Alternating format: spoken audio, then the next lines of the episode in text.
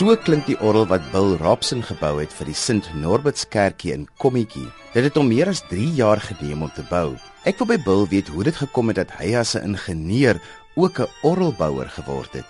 Way back in about 1990 or before then, I happened to meet the priest in charge of the priory then in the little chapel. I was showing my children this beautiful chapel, and we got to talk about music. And then, of course, um, the subject of the new church and the organ came up because it was being built then.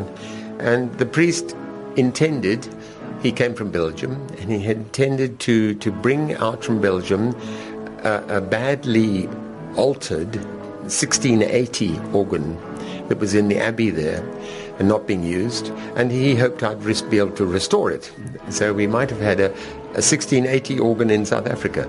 But sadly, the Belgian government refused permission for it to be exported, being uh, a part of their heritage. I don't blame them.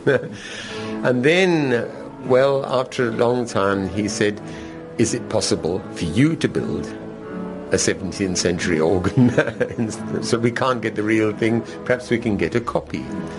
And um, I said, yes, I, I think I could.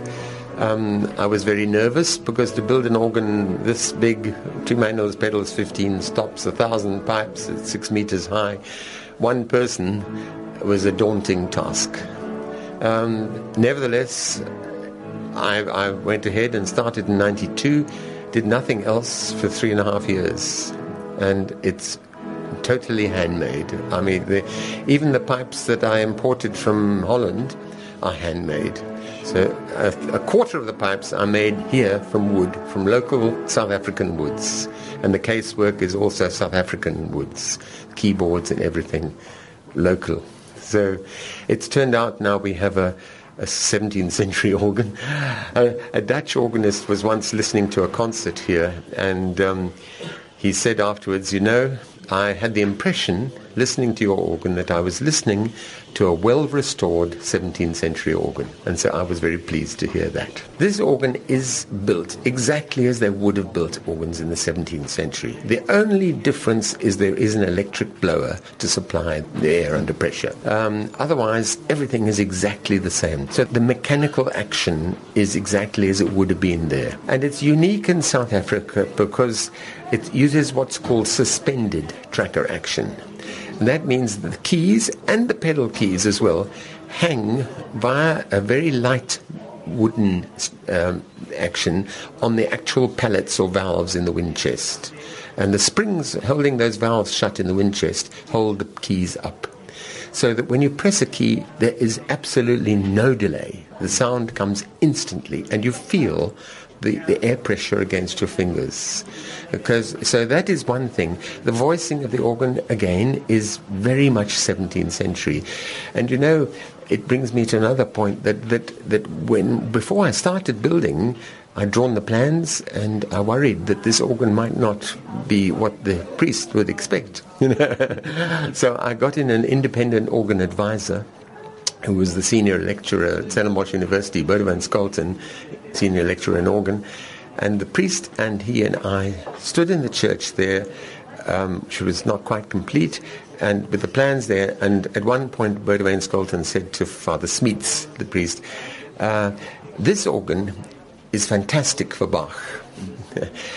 it I'm Dutch Reformed. I have no idea what the Catholic, how it would suit the Catholic liturgy. How will it suit the Catholic liturgy? And Father Smeets turned to him and said, Forget about the Catholic liturgy. I want an organ for concerts. Of course, he was a very wise man. He knew that, that, well, you don't have to be very clever, that if an organ is good enough for sophisticated concert music, it's ample for playing hymns.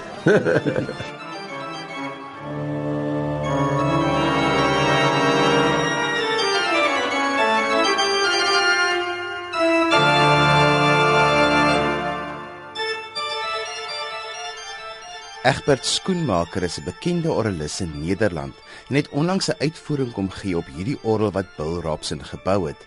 Ek wil by hom weet waar presies in Nederland hy vandaan kom. Ik kom uit Twente, dat is in Oost-Nederland, een plaats en dat ligt direct aan de grens met Duitsland. Ik ben Nederlander, maar ik woon in Duitsland net over de grens. En dat al 30 jaar. Hoe het gekom dat jy in Suid-Afrika op 'n orgel in Kommetjie kom speel het? Dat is een vreemde geschiedenis. Ik was in 1994 hier bij familie in Potchefstroom. Um, bij Darlene Kruger, ook organiste daar. Maar voordat ik daar naartoe ging, uh, zag ik een interview in de Panorama. Dat was een blad, ik geloof niet dat het nog, nog bestaat, ik weet het niet. En het blad stond een interview met Bill Robson. Dat hij uh, bouwde en dat hij een, de instrumenten uit de 16e en de 17e eeuw dus bouwde. Dat zijn met name klaversymbals en ook een orgel. En toen dacht ik, die man wil ik bezoeken. En toen heb ik de ambassade gebeld. Want ik dacht, hoe kom ik aan eh, Bill Robson?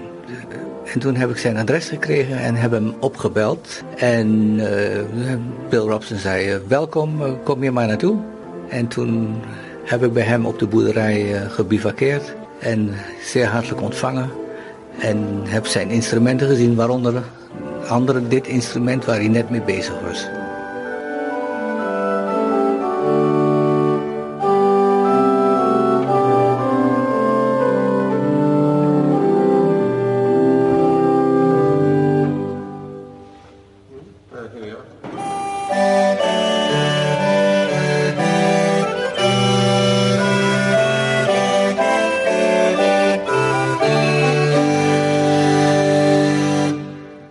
Temperament of this instrument is special is it has a mean tone temperament. That means not every key, and musicians know what I mean, not every key, G major or E flat major, sound the same. And I can demonstrate that with a song what everyone knows, um, Stille Nacht. Ik denk dat is hier ook bekend, hè? En ik doe datzelfde boven. Nog een, een halve toon hoger. Het klinkt helemaal zuur. Ik weet niet of je het hoort. En dit nog even weer terug. Het wringt aan alle kanten.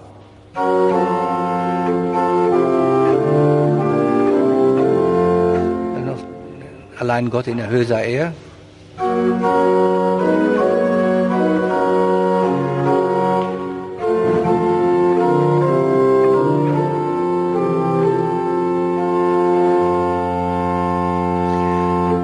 Het laatste klinkt heel strak. Bijvoorbeeld in deze toonsafstand, een terts noem je dat, drie tonen. Die is heel, bijna helemaal zuiver. En deze is dus onzuiver.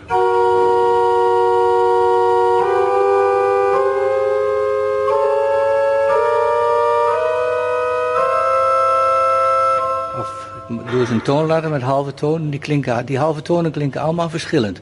Op een piano of op een normaal orgel, mainstream organ, klinken ze allemaal hetzelfde. Bijvoorbeeld, die klinkt heel klein. Die klinkt royaler, iets meer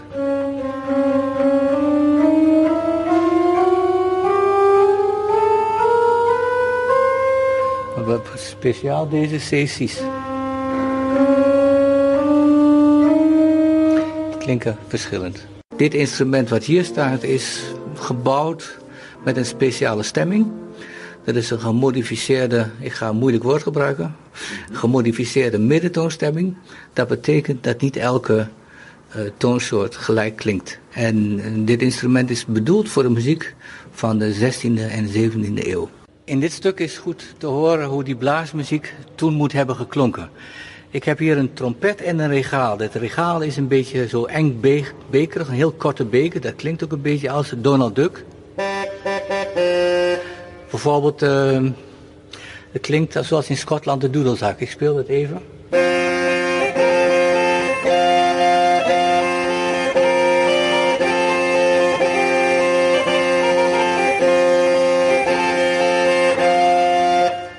Nou, iedereen die heeft wel eens een doedelzak gehoord. Maar dat was het klankideaal van die tijd. Een beetje kelig, weinig kop, stem, maar heel, heel dunne klank. Als ik dat nou hier laat horen, dan die muziek met vier van die, van die regalen, dan klinkt het zo.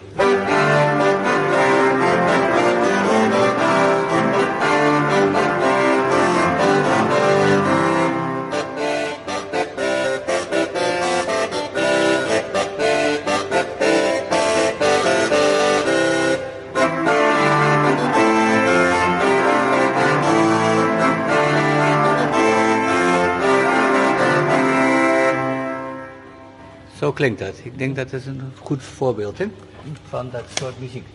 Dus we krijgen door deze muziek een indruk van wat er op straat moet hebben geklonken. Het volgende stuk is voor blokfluiten eigenlijk gedacht. Dat kan ik ook laten horen. Met de roerfluit speel ik dat dan. Oh, even de koppel weg.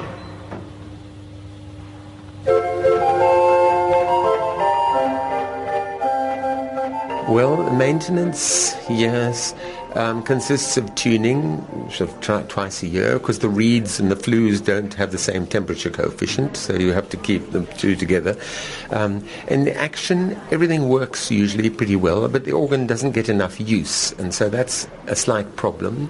And I've I've done when I pl- I used to play here regularly. Then I did the maintenance all the time, and I remember 15 years ago when there was a big fire in the mount- mountains of the Cape, the humidity must have dropped to zero for a week. It affected the organ action quite badly. The keys looked as if it really was an old organ. um, I remember spending hours and hours after Mass adjusting everything until the keys were level again, until everything worked perfectly, and it stayed like that. That was perhaps once off maintenance. Mechanical action is very reliable. It will work for hundreds of years in some sort of fashion. It will always work. Nothing ever generally goes wrong. It's reliable. Het laatste stukje is uh, voor veel trompetten en ook in de bas. We horen hem even kort. Dan moet ik even de koppels instellen. Ik ga twee manualen met elkaar verbinden. De, en deze klank. Het stuk heet La Morisque.